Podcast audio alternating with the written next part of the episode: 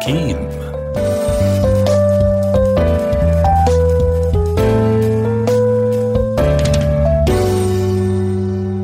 أهلا بكم مستمعينا في هذه الحلقة الجديدة من البرنامج الأسبوعي حكيم على أثير راديو الكل. نبدأ معكم بآخر التطورات المتعلقة بفيروس كورونا حيث قال تقرير صادر عن لجنة مستقلة إن وباء كورونا كان من الممكن السيطرة عليه ومنع انتشاره.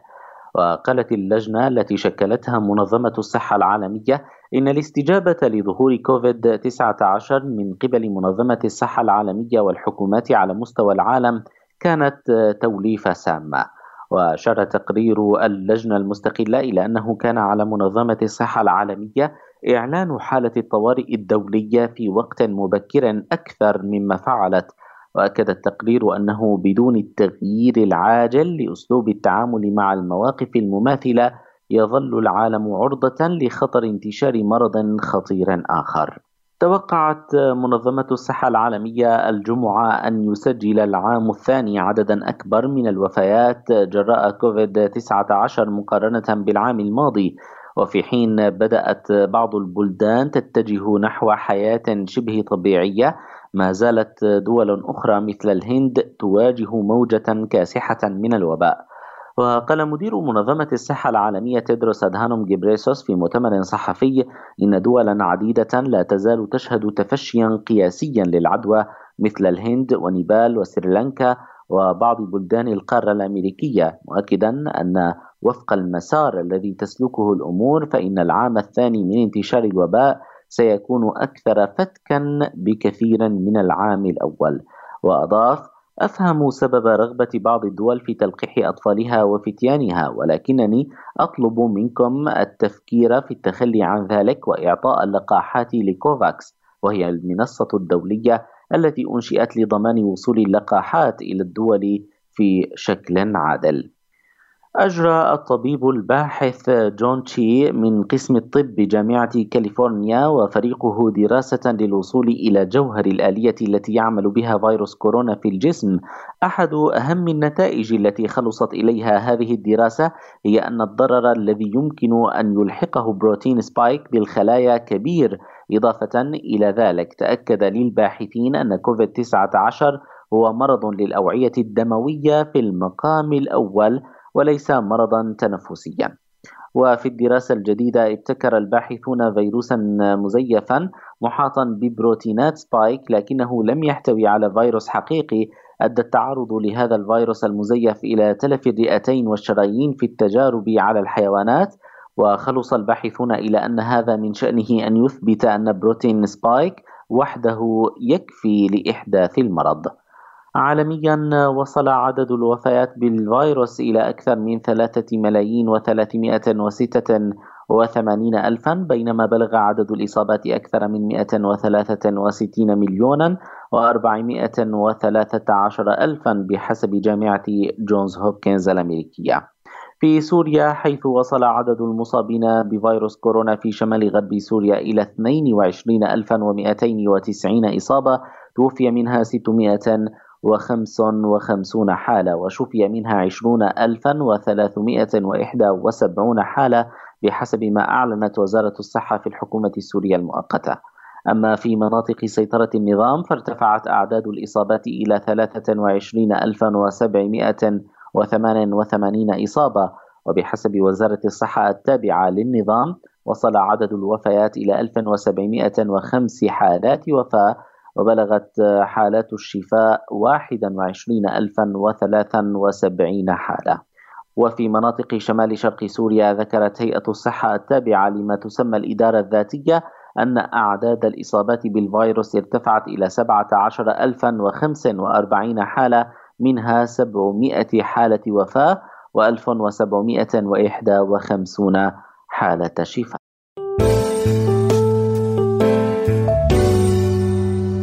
وننتقل معكم مستمعينا إلى فقرتنا الثانية من برنامج حكيم والتي سنتحدث فيها عن تآكل الأسنان. لينضم إلينا الدكتور محمد شالاتي طبيب أسنان عبر الهاتف من تركيا. أهلا بك دكتور محمد. بداية لو حدثتنا ما هو تآكل الأسنان؟ وما هي الأسباب التي تؤدي للإصابة به؟ أهلا وسهلا بكم جميعا. بالنسبة لتآكل الأسنان له عدة أسباب وتختلف آه، حسب طبيعة الأشخاص وحسب طبيعة عملهم. وحسب طبيعة الغذاء اللي بتناولوه. إحنا بشكل عام تآكل الاسنان عندنا نوعين بشكل رئيسي في عندنا تآكل الكيميائي في عندنا التآكل الميكانيكي بالنسبة نعم. للتآكل الكيميائي بينقسم لأيضا عدة أقسام والأكثر شيوعا هو نتيجة آه، لعوامل كيميائية ما لها علاقة فيها البكتيريا نهائيا عندنا تآكل معادن السن نتيجة إفراط بتناول الحمضيات وبعض الفواكه والعصائر الحمضية والمخللات بعض الأحيان وهذا بيحصل على السطح الأسطح الخارجية للاسنان الأمامية العلوية بشكل رئيسي. النوع الثاني من التآكل الكيميائي هو التآكل ناتج عن التجشؤ ويحدث نتيجة تشجع الحمض المعدي الهيدروليك أسيد الموجود في المعدة. عند اشخاص بيعانوا من امراض اضطرابات هضمية وتأثير بعض الحموض الأخرى. التجشؤ نعم. في عندنا كمان له أنواع. في عندنا تجشؤ إرادي. في مرضى بيكون عندهم شراهية جدا على تناول الطعام. بيحصل عندهم مثل تقيؤ إرادي وبعدها بيرجعوا بياكلوا بشكل نهم جدا. آه، بيحدث كمان عند الحوامل نتيجة آه، غثيان الصباح. التآكل تجشؤي بيحصل على سطح الأسنان الداخلية والأسنان الأمامية العلوية والسطح الطاحن الأسنان الخلفية السفلية. هلأ عندنا نعم. التآكل الصنعي وهو بيحدث كمان عند الأشخاص يلي بيعملوا أعمال معينة مثل آه، مصانع البطاريات والمعامل الكيميائية.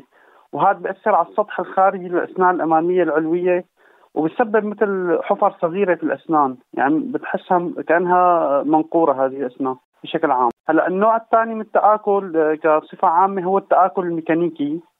التآكل الميكانيكي آه، بيحدث عن طريق الاحتكاك بشكل رئيسي. آه، في ناس بيكون عندهم اضطرابات نفسية وهذا بيلقي زبالة فورا على الأسنان. يعني بصير مثل احتكاك الأسنان الطواحن أثناء النوم آه، في أشخاص بكزوا على أسنانهم. واستمرار هذه العادة يؤدي إلى تآكل آه، سطح الأسنان. وعادة ما يؤثر هذا النوع من التآكل على آه، أعماق الأسنان. وهذا التآكل كمان في له عوامل ثانية مثل معاجين الأسنان تحتوي حبوبات كبيرة الحجم. بيستعملها المدخنين بشكل رئيسي مشان إزالة الصفرار وأحيانا استعمال فرشاة أسنان الخشنة. يعني بشكل عام هي النقاط الرئيسية آه، نعم. لموضوع تآكل الأسنان. نعم. آه، لو حدثتنا دكتور عن الأعراض التي آه، تظهر على المريض وكيف يمكن اكتشاف الموضوع سريعا والتوجه إلى الطبيب؟ هلأ الأعراض الرئيسية هي الحساسية بالأسنان. يعني المرضى بهذا النوع من فينا نقول الأمراض بصير عندهم حساسية على الأسنان على الأشياء المحفزات السخن البارد الحامض. بشكل عام أول ما يحس بهيك شيء يراجع أقرب طبيب له وممكن آه، يعني اكتشافها سهل وحل هي الأمور إن شاء الله بسيط. نعم. دكتور لو انتقلنا معك للحديث عن أساليب الوقاية لعدم الإصابة بتآكل الأسنان ما هي؟ آه، هلا بالطبع آه، الوقاية خير من العلاج بكل الأمراض.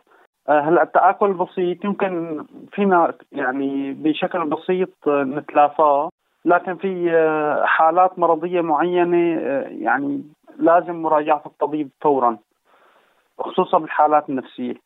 بس بشكل عام يعني الحالات البسيطة نحن أساليب غذائية صحية ما نفرض تناول المشروبات الغازية والحمضيات ونعالج وسط الفم الحمضي دوره بيأثر كثير على طبقة الأسنان. وبيؤدي لذوبان الأملاح مما يجعلها عرضة للتآكل. وتفريش الأسنان مباشرة بعد تناول الحمضيات والمشروبات الغازية. الإصابة بحساسية الأسنان مفرطة آه، تنتج عنها يعني المشروبات الغازية والحمضيات بشكل رئيسي. لذلك المضمضة بشكل دائم بعد أخذ هذه المواد بشكل رئيسي وتفريش يكون آه، بطريقة معينة بحيث إنه ما نعمل آه، أذى على اعناق الأسنان وعلى آه، أو تخرش للميناء السن. نعم، كيف يمكن اختيار الفرشاة المناسبة للأسنان؟ هلأ الحجم الأشيع والأفضل هو المتوسط ميديوم تكون شعيراته ليست خشنة كثيرا ولا تؤدي إلى تآكل طبقة الميناء، يعني هي الأفضل، الشيء المتوسط هو أفضل شيء. وعدم آه، استخدام آه، معاجين الأسنان مبيضة كثيرا. وتبييض الأسنان يعني في بعض الحالات قد يؤدي إلى تخرج زائد في الميناء. يعني طبيب الأسنان يجب أن يكون مرة أو مرتين في العمر ليس أكثر من ذلك. نعم. آه، ما هي طرق العلاج المتبعة عند اكتشاف الإصابة دكتور؟ آه، عند اكتشاف الإصابة يختلف طرق العلاج حسب السبب. آه، يعني إذا كان السبب نفسي نقوم بوضع جهاز وقاية الأسنان الليلي يضعه المريض أثناء النوم. وبعدها تجري عمليات علاج نوعا ما طويلة الأمد حسب الحالة. بالنسبة للحالات الأخرى آه، يتم آه، تعيين أنواع طعام معينة للمريض ومضامة فموية معينة تساعده إن شاء الله تعالى في الخروج من هذه الحالة نهائيا. نعم. آه، ختاما دكتور إذا كان هناك أي نصائح أو إضافات ترغب في توجيهها للمستمعين؟ يعني الوقاية خير من قنطار علاج يجب على كل الأشخاص أن يلاحقوا موضوع الأسنان بشكل دوري ودائم عند الأطباء لأن المشاكل في بدايتها سهلة الحل لكن عندما تتفاقم يكون الوضع أصعب بكثير. أشكرك جزيل الشكر لهذه المشاركة معنا في برنامج حكيم الدكتور محمد شالاتي طبيب أسنان. كنت معنا عبر الهاتف من تركيا. الله يخليك. يعطيك ألف عافية.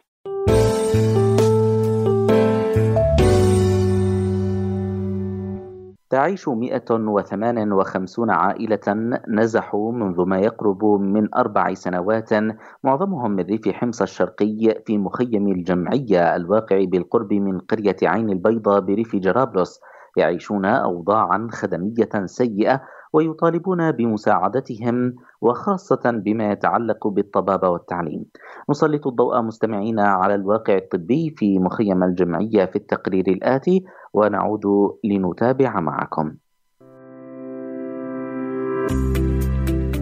في مخيم الجمعية جنوب غربي جرابلس الذي يضم يقرب من 700 نسمة يجد القاطنون صعوبة كبيرة في تلقي العلاج بسبب عدم توفر نقطة طبية في المخيم ويوضح الأهالي في المخيم لراديو الكل حاجاتهم الماسة لتوفر نقطة طبية في مخيمهم والصعوبات التي يواجهونها بسبب ذلك مناشدين الجهات المعنية بتوفير نقطة طبية في المخيم لتسهل على المرضى علاجهم وتنقلهم. نطالب الأخوة بنقطة آه، طبية لكي علاج الأطفال والكبار السن. هناك عندنا حالات آه، مزمنة في هذا المخيم. نحن نعاني من غلة التعليم ومن غلة الطبابة بدنا نقطة صحية بدنا من يهتم بنا مشان موضوع النظافة. نعاني من قلة المعينات. الطبية التي يحتاج إليها جميع أهل المخيم كبار السن والأطفال والنساء. لذلك نرجو أن نكون في حساب عندكم يكون لنا نصيب في وجود نقطة طبية تحوي مساعدة للمصابين المفاجئ. لأننا يصعب علينا أن ننتقل إلى جرابلس في كل لحظة لتلقي أي علاج أحيانا نجد الواسطة وأحيانا لا نجد الواسطة وأحيانا نصل إلى جرابلس ولا نجد الطبيب ونجد رحنا متأخرين أو جئنا قبل الدوام فيصعب علينا ذلك. وإحنا عم نعاني كثير من مسألة النقطه عندنا لأنه إحنا بعيدين عن مركز مدينة جرابلس شيء 10 12 كيلو. عم نروح ما نصل هنيك نسجل دور يعني ما يجي دورنا للعصر أو ما بنلحق الدور يعني خالص. يعني نحتاج إلى نقطه طبيه لأن هاي المخيم الجمعية ما في أقرب نقطة طبيه تبعد لنا 15 كيلو متر لذلك بدنا نروح على المركز المدينة يعني بدنا معاناة يعني. يعني بدنا نروح. إذا سمح الله إذا واحد حيموت بده قبله بيوم يسجل يعطينا يفوت على المستشفى محمد أبو إسماعيل مدير مخيم الجمعية يوضح لراديو الكل معاناة المرضى في المخيم بسبب عدم توفر نقطة طبية في المخيم. نحن نعاني من عدم توفير الطبابة والنقطة الطبية بالمخيم والمخيم بحاجة إلى نقطة طبية. كون نعاني من الذهاب إلى مركز المدينة إلى جرابلس تبعد 15 كيلو متر وأن أمراض مزمنة لدى الكبار ولدى الأطفال مثل السكري حساسية جيوب حساسية حساسية صدر آه، أمراض عصبية عند كبار السن. فهذول يعانون معاناة يعني بالذهاب إلى مركز المدينة. طبعا يعني لعدم توفير آليات نقل. يعني ممكن تستغرق معهم المسافة 15 كيلو متر ممكن تستغرق معهم ساعتين لأنه يطلعون تقاطيع مع الناس. فهذه معاناة يعني خاصة عند كبار السن أو الأطفال. آه، بظل هذا كون دخلنا على موسم الصيف يعني الحر فنرجو من يعني من آه، يقدر أن يساعدنا أنه يوفر لنا نقطة طبية آه، تؤدي يعني لو جزء بسيط من العلاج من الطبابة. يعني أحيانا يصير عندنا حالات إسعافية ولعدم توفير الآليات في المخيم. يعني ممكن يستغرق معانا أكثر من اللازم. ويعاني القاطنون في المخيم من أوضاع مادية وخدمية متردية. وسط ضعف الدعم وقلة المساعدات المقدمة لهم.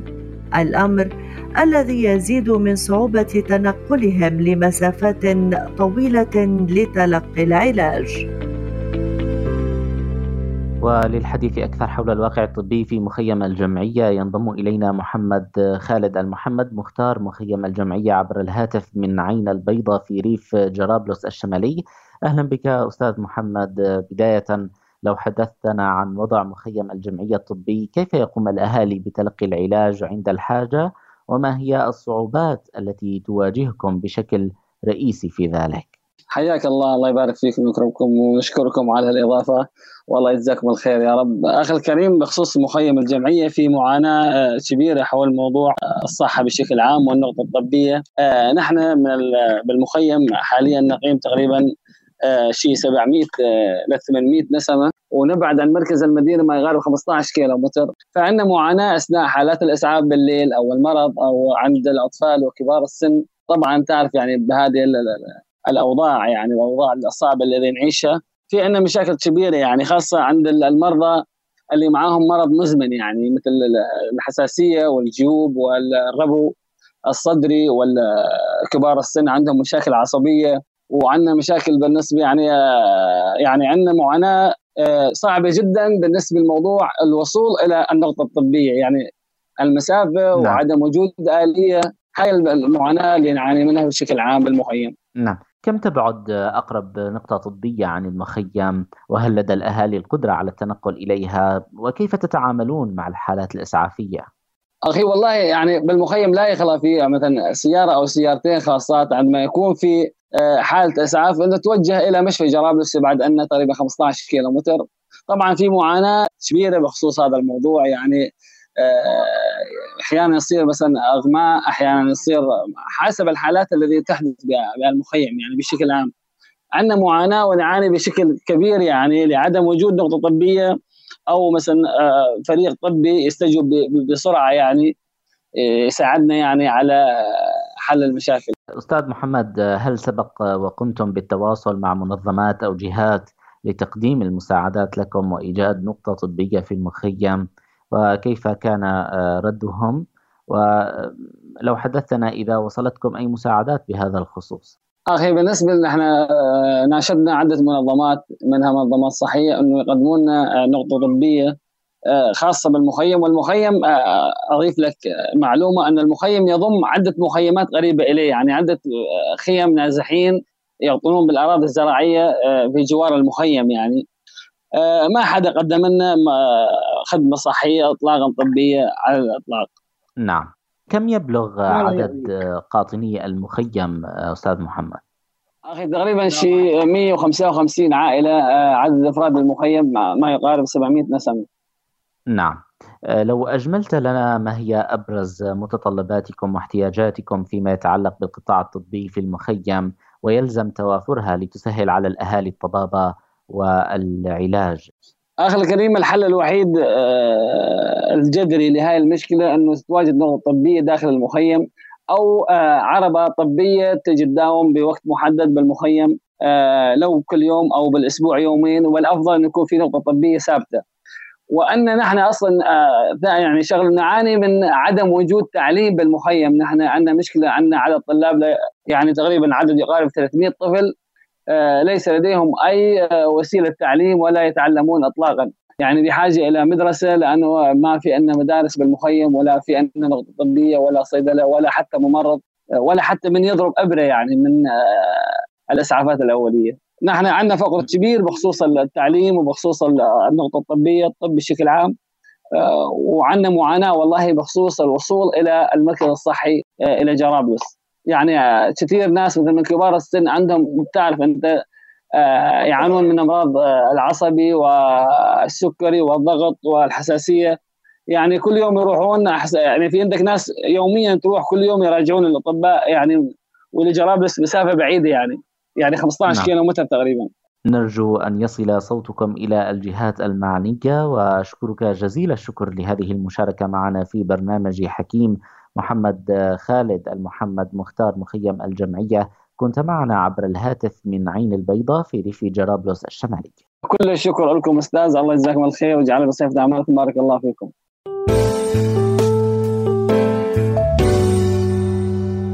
ليست الاستطبابات حكرا على الأدوية والعقاقير الطبية وإنما تحتوي الطبيعة ضمن عناصرها على أعشاب ونباتات تستخدم بالطبابة والتداوي لكثير من الأمراض ومنها العسل الذي يستخدم بالتداوي في كثير من الأعراض والأمراض ويدخل في تركيب الأدوية والمركبات الطبية.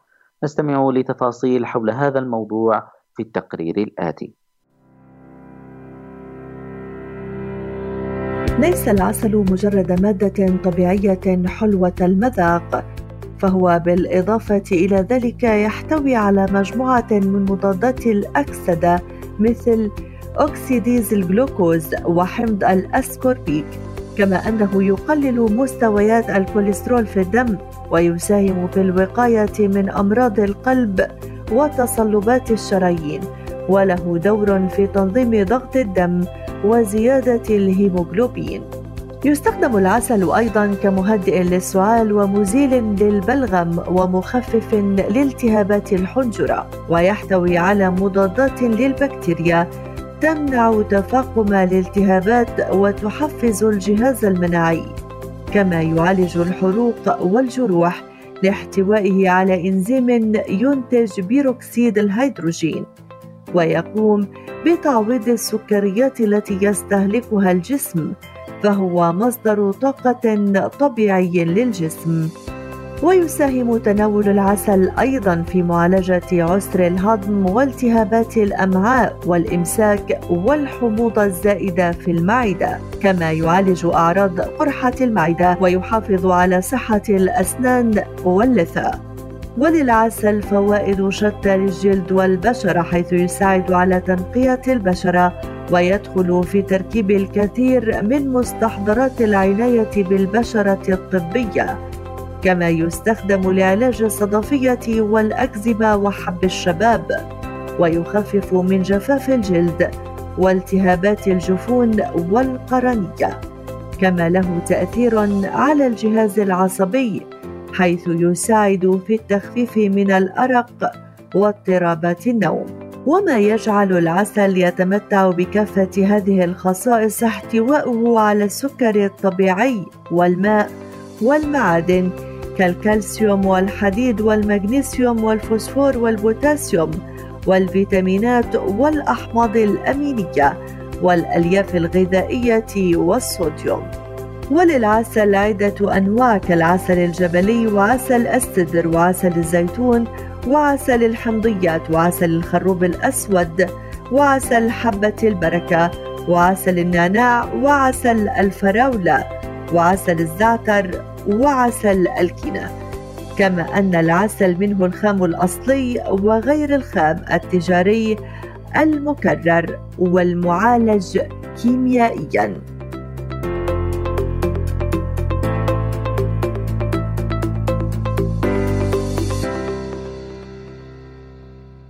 إلى هنا مستمعينا نكون قد وصلنا معكم إلى ختام حلقتنا لهذا اليوم من برنامج حكيم. كنا معكم في الإعداد والتقديم أنا عمر نور وبتول الحكيم على أمل أن نلقاكم الأسبوع المقبل في ذات الموعد. أطيب التحيات لكم دمتم بعافية وخير وإلى اللقاء.